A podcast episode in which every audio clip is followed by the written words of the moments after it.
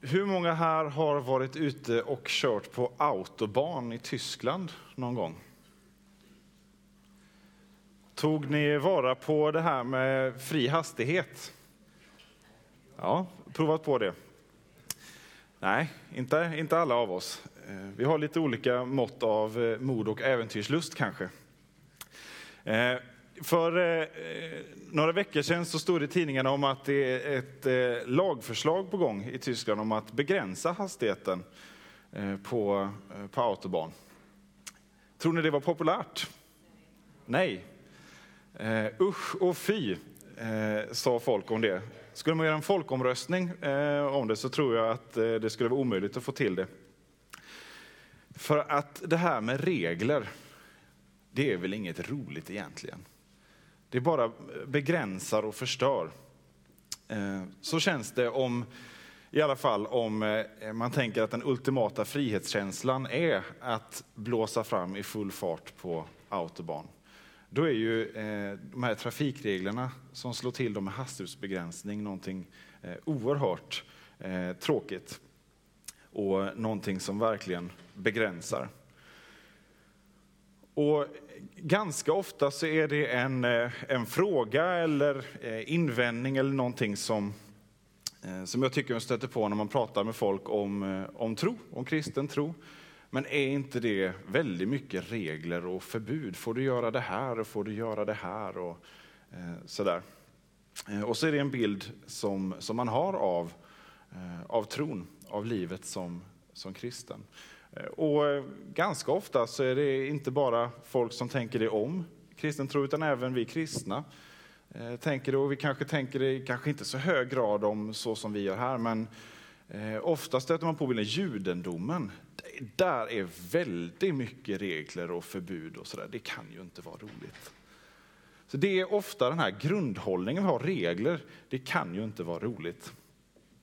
Och ofta då framför allt eh, om man talar i relation till judendom så, så har man ofta i kristna sammanhang att vi lyfter fram friheten som, eh, som Jesus har gjort för oss.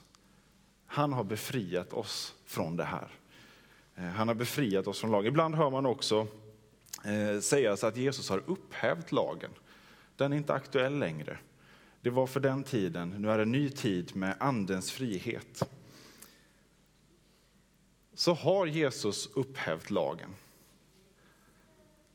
Vi ser vad som står. Vi går till eh, Matteus evangeliet 5. Vi fortsätter vår, eh, vår vandring genom bergspredikan. I vers 17 och fram till 20 så står det så här, det är Jesus som säger. Tro inte att jag har kommit för att upphäva lagen eller profeterna. Jag har inte kommit för att upphäva, utan för att uppfylla. Sannerligen, innan himlen och jorden förgår ska inte en enda bokstav, inte minsta prick i lagen förgå. Inte förrän allt har skett. Den som upphäver ett enda av buden, om så det allra minsta, och undervisar människorna så, ska räknas som den minste i himmelriket.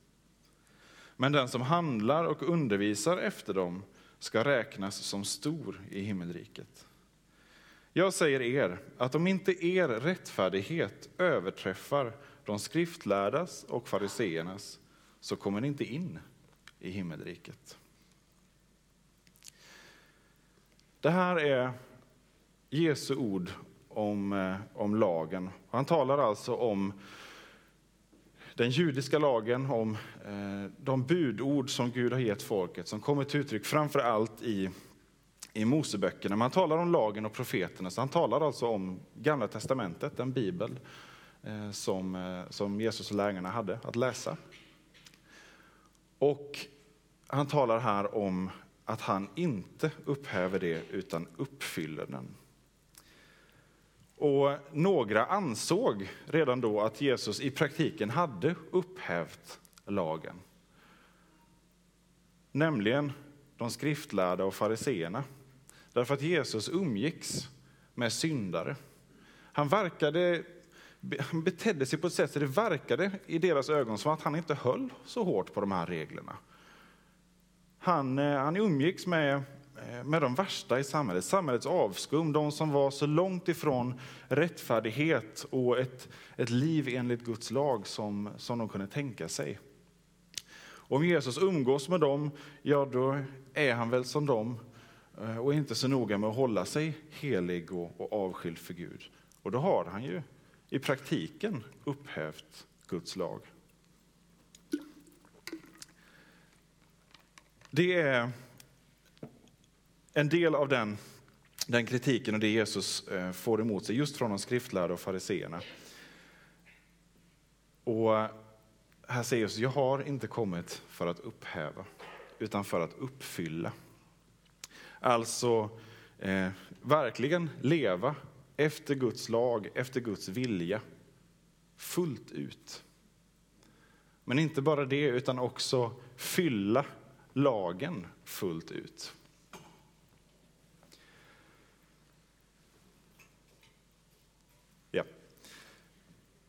Fylla lagen med, med den kärnan som är Jesus själv.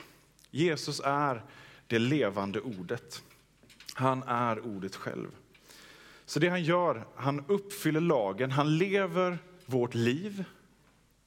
Det liv som vi är kallade och tänkta att leva, men inte klarar av. Och sen så får han också dö vår död. Den som är konsekvensen av att bryta mot Guds lag. Och han uppfyller lagen också för att ge oss en full förståelse av lagen. Spännande. Grabbar i bygghjälm som bygger.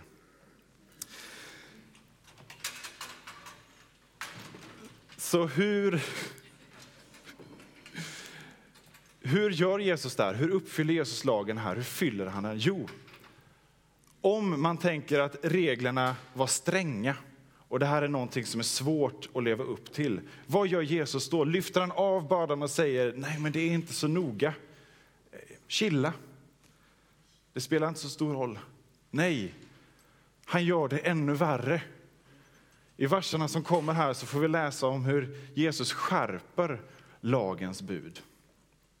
Han säger att det, det räcker inte att du rent praktiskt, faktiskt inte dödar din broder. Tänker du ont mot honom i hjärtat så har du brutit mot det budet att inte dräpa.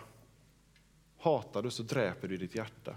Det räcker inte att tänka att jag är trogen min hustru, bara jag inte är med någon annan kvinna.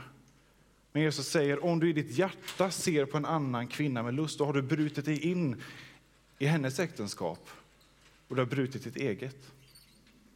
Så Jesus tar lagen och gör den så mycket hårdare, om vi så vill. Han gör den full. Han visar att lagen handlar inte, Guds vilja för våra liv handlar inte om ett yttre mönster, vissa saker som, som ska checkas av på en lista, utan om ett helt och fullt liv. Med ett hjärta, med kropp och själ som är i samklang med Guds vilja. Det är vad Jesus här lägger ut för oss i bergspredikan. Och när vi speglar våra liv gentemot lagen, när vi speglar våra liv i lagen så kommer vi se att det här håller inte. När vi läser de tio budorden med Jesu utläggning av dem så kommer vi se att jag är skyldig till det här. Jag är skyldig till det här brottet, till det här brottet, till det här brottet. Eh, det finns eh, en, eh, en pastor som heter Kirk Cameron, tror jag han heter, som är också skådespelare och gjort lite kristna filmer. Eh, men han har ett, eh, ett projekt, evangelisationsprojekt, där de är ute på stan och eh, talar med människor och de använder sig bara av tio Guds bud för att vittna. Eh, och de, eh, de pratar med människor och så in i samtalet så, så börjar man samtala om det här. De här buden, de här tio buden, och med Jesu utläggning av dem Vad gör vi i hjärtat? Kan du ärligt säga att du lever upp till det här? Nej. Och samtidigt är vi överens om att det här är någonting gott att leva efter. Det behöver man inte vara kristen för att, att se. Och så blir det en... Eh, tack. Så blir det en, eh, en tydlig bild för att vi klarar inte att leva heligt. Vi klarar inte att leva och uppfylla Guds lag. Och det räcker inte att det ser ut som att vi klarar det. Här kommer Jesu kritik tillbaka mot fariséerna och de skriftlärda. Och så säger han till de som följer honom och lyssnar honom, om inte er rättfärdighet överträffar de skriftlärdas och fariséerna, de som verkligen hade koll på lagen. Om inte er rättfärdighet överträffar deras, så kommer ni inte in i himmelriket. Och det här är sprängkraft, mindblowing. För det är ju eliten. Om det var någon som klarade att leva efter lagen så var det väl de som faktiskt kunde lagen. Och Jesus säger, det räcker inte. Och så blir lagen en, en biktspegel, precis som saligprisningen vi talade om förra veckan. En biktspegel, någonting att få spegla sitt liv i. Och upptäcka att vi misslyckas. Och inte bara det, utan upptäcka att jag gång på gång vill misslyckas, väljer att misslyckas. För att det jag vet är fel ändå lockar och drar i mig. Det händer också att även på svenska vägar, att man ibland har närmat sig den här autobanlängtan kanske. Jag vet att det är fel, ändå så är det. Paulus skriver om det här. Det goda som jag vill, det gör jag inte. Och det onda som jag inte vill, det gör jag. Vem ska kunna rädda mig från det här, rädda, från mig, rädda mig från mig själv? Jesus.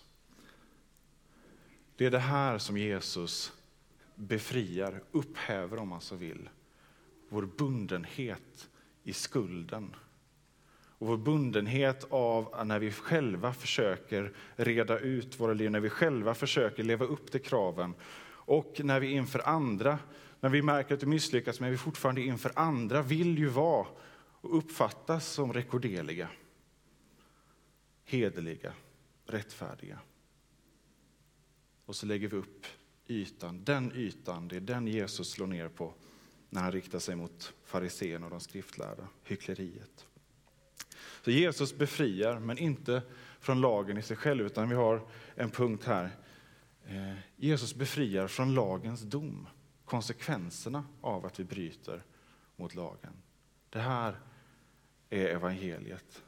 Nåden att Gud inte räknar det onda vi gör som vårt, utan det goda som Jesus gör som vårt.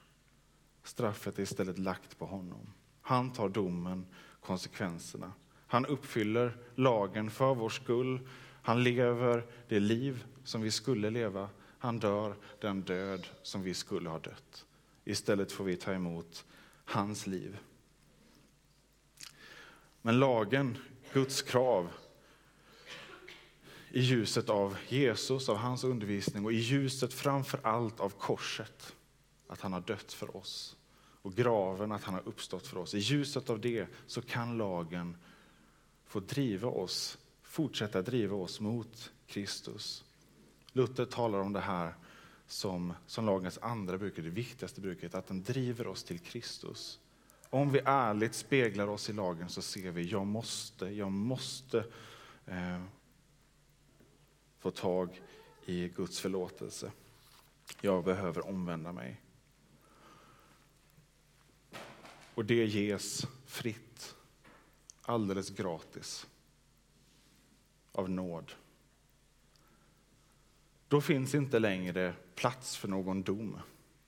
Guds dom är inte över den som tror på Jesus.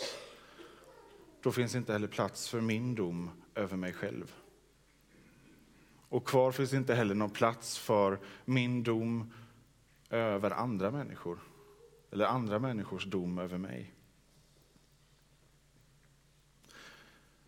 Utan det som ger oss rättfärdighet och sann, sant liv, det är insikten om att Jesus har gjort allt.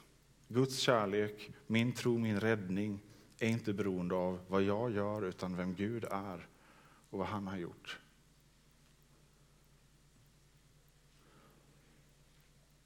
Och med det här, den här grunden för det kristna livet och den kristna tron, att det finns ingenting som jag kan göra för att Gud ska älska mig mer. Det finns inget jag kan göra för att han ska älska mig mindre. Allt är fastslaget och grundlagt i det som Jesus Kristus har gjort för oss. Om jag vet det så kan jag också få, få närma mig lagen på, eh, på ytterligare ett sätt. Luther hade en lärjunge som hette Melanchthon och han talade en hel del om, om den här synen på, på lagen också. En, en andra punkt här. Att Jesus befriar inte bara från lagens dom utan också till lagens liv. Att när, om vi inser att jag är inte beroende av att lyckas leva upp till Guds krav för att förtjäna hans kärlek eller hans nåd. Så innebär det ju inte att efter den insikten att då behöver jag inte bry mig om lagen. Så om lagen leder mig till omvändelse och när jag omvänt mig, ska jag sen strunta i vad lagen säger? Nej, då, den är evig, det är Guds vilja. Men nu är jag fri. Fri att få ta mig an Guds vilja för mitt liv. Fri att få faktiskt få leva det liv som, som Gud har kallat oss till. Om jag gör det med Jesus för ögonen så, så öppnar det ett, ett helt annat liv än vad som först var möjligt. Jag tänkte att jag skulle försöka illustrera det på något sätt. Om man hade en byggställning eh,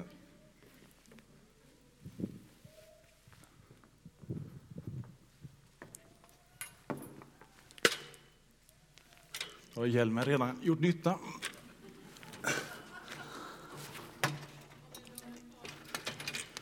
Då är det så här va, att jag är ganska höjdrädd. Och tittar jag på en sån här video på Youtube med folk som klättrar så får jag alltid handsvett. Så jag vet inte riktigt vad jag gör nu och vad det här skulle vara bra för.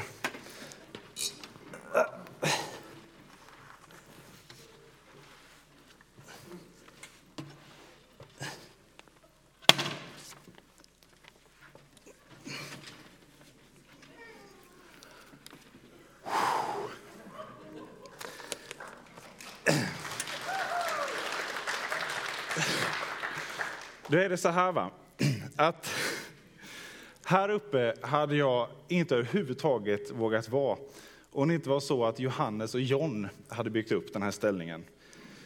För att när vi tar oss an livet, det kristna livet, så är grunden det jag precis har pratat om här, om tro. Att lita på det Gud har gjort för oss, den grunden som Gud har lagt. Och här litar jag på, lägger mitt liv i Johns och Johannes händer som har byggt den här ställningen. Eh, jag litar på att hon kan sitt jobb och har sagt att det här är helt lugnt att klättra upp i. Men det finns också en annan det Det är den första punkten, här, att tro, att lita på det Jesus har gjort. Eh, men nu när vi är här uppe så, så finns det en annan sak som, som gör det här möjligt. Och det är just begränsningarna. Jag har den här hjälmen som skyddar eh, pannbenet och sen så har jag det här. Utan de här så lovar jag, jag hade inte stått här. Eh, det som faktiskt begränsar mig, det som avgränsar mitt liv här uppe, eh, de här stängerna. Rent fysiskt så är jag inte lika fri som jag hade varit här uppe utan dem. Det här är ju faktiskt en begränsning.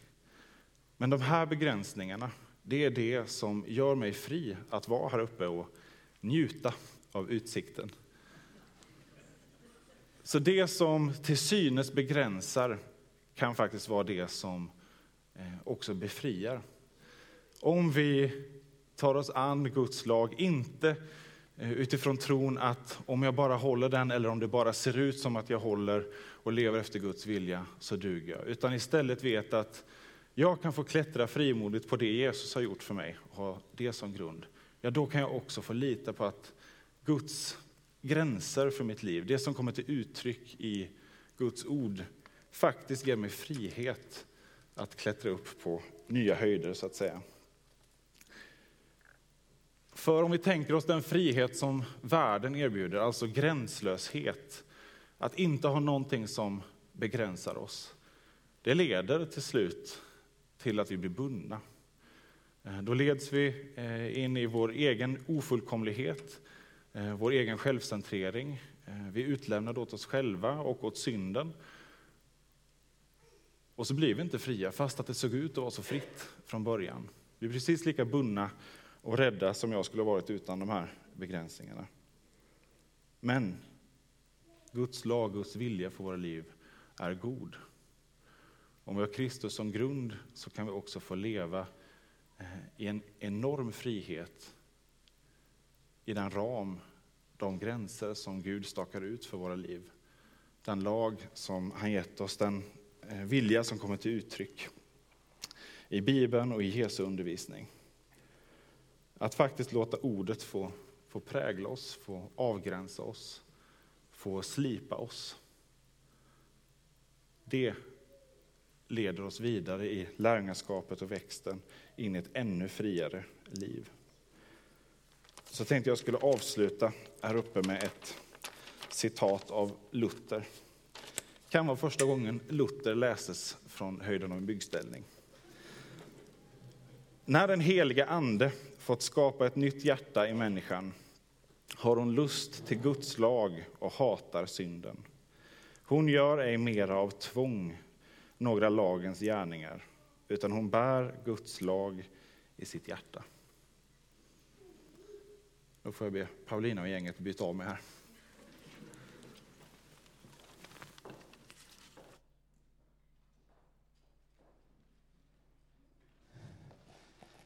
Vi, vi ska få lugna ner oss, pulsen har gått upp lite, sjunga lovsång tillsammans och be och det är spännande att fundera kanske själv över sitt relation till lagen. Det finns förebedjare nere vid korset, jag tror vid väggen här också, och gå dit om du vill att någon ska be för dig och din relation till lagen och din tro. Är det där? Förebedjare där nere i hörnan också, om man vill sitta ner en stund. Och så har vi ljus att tända här framme också. Rör på er men undvik ställningen.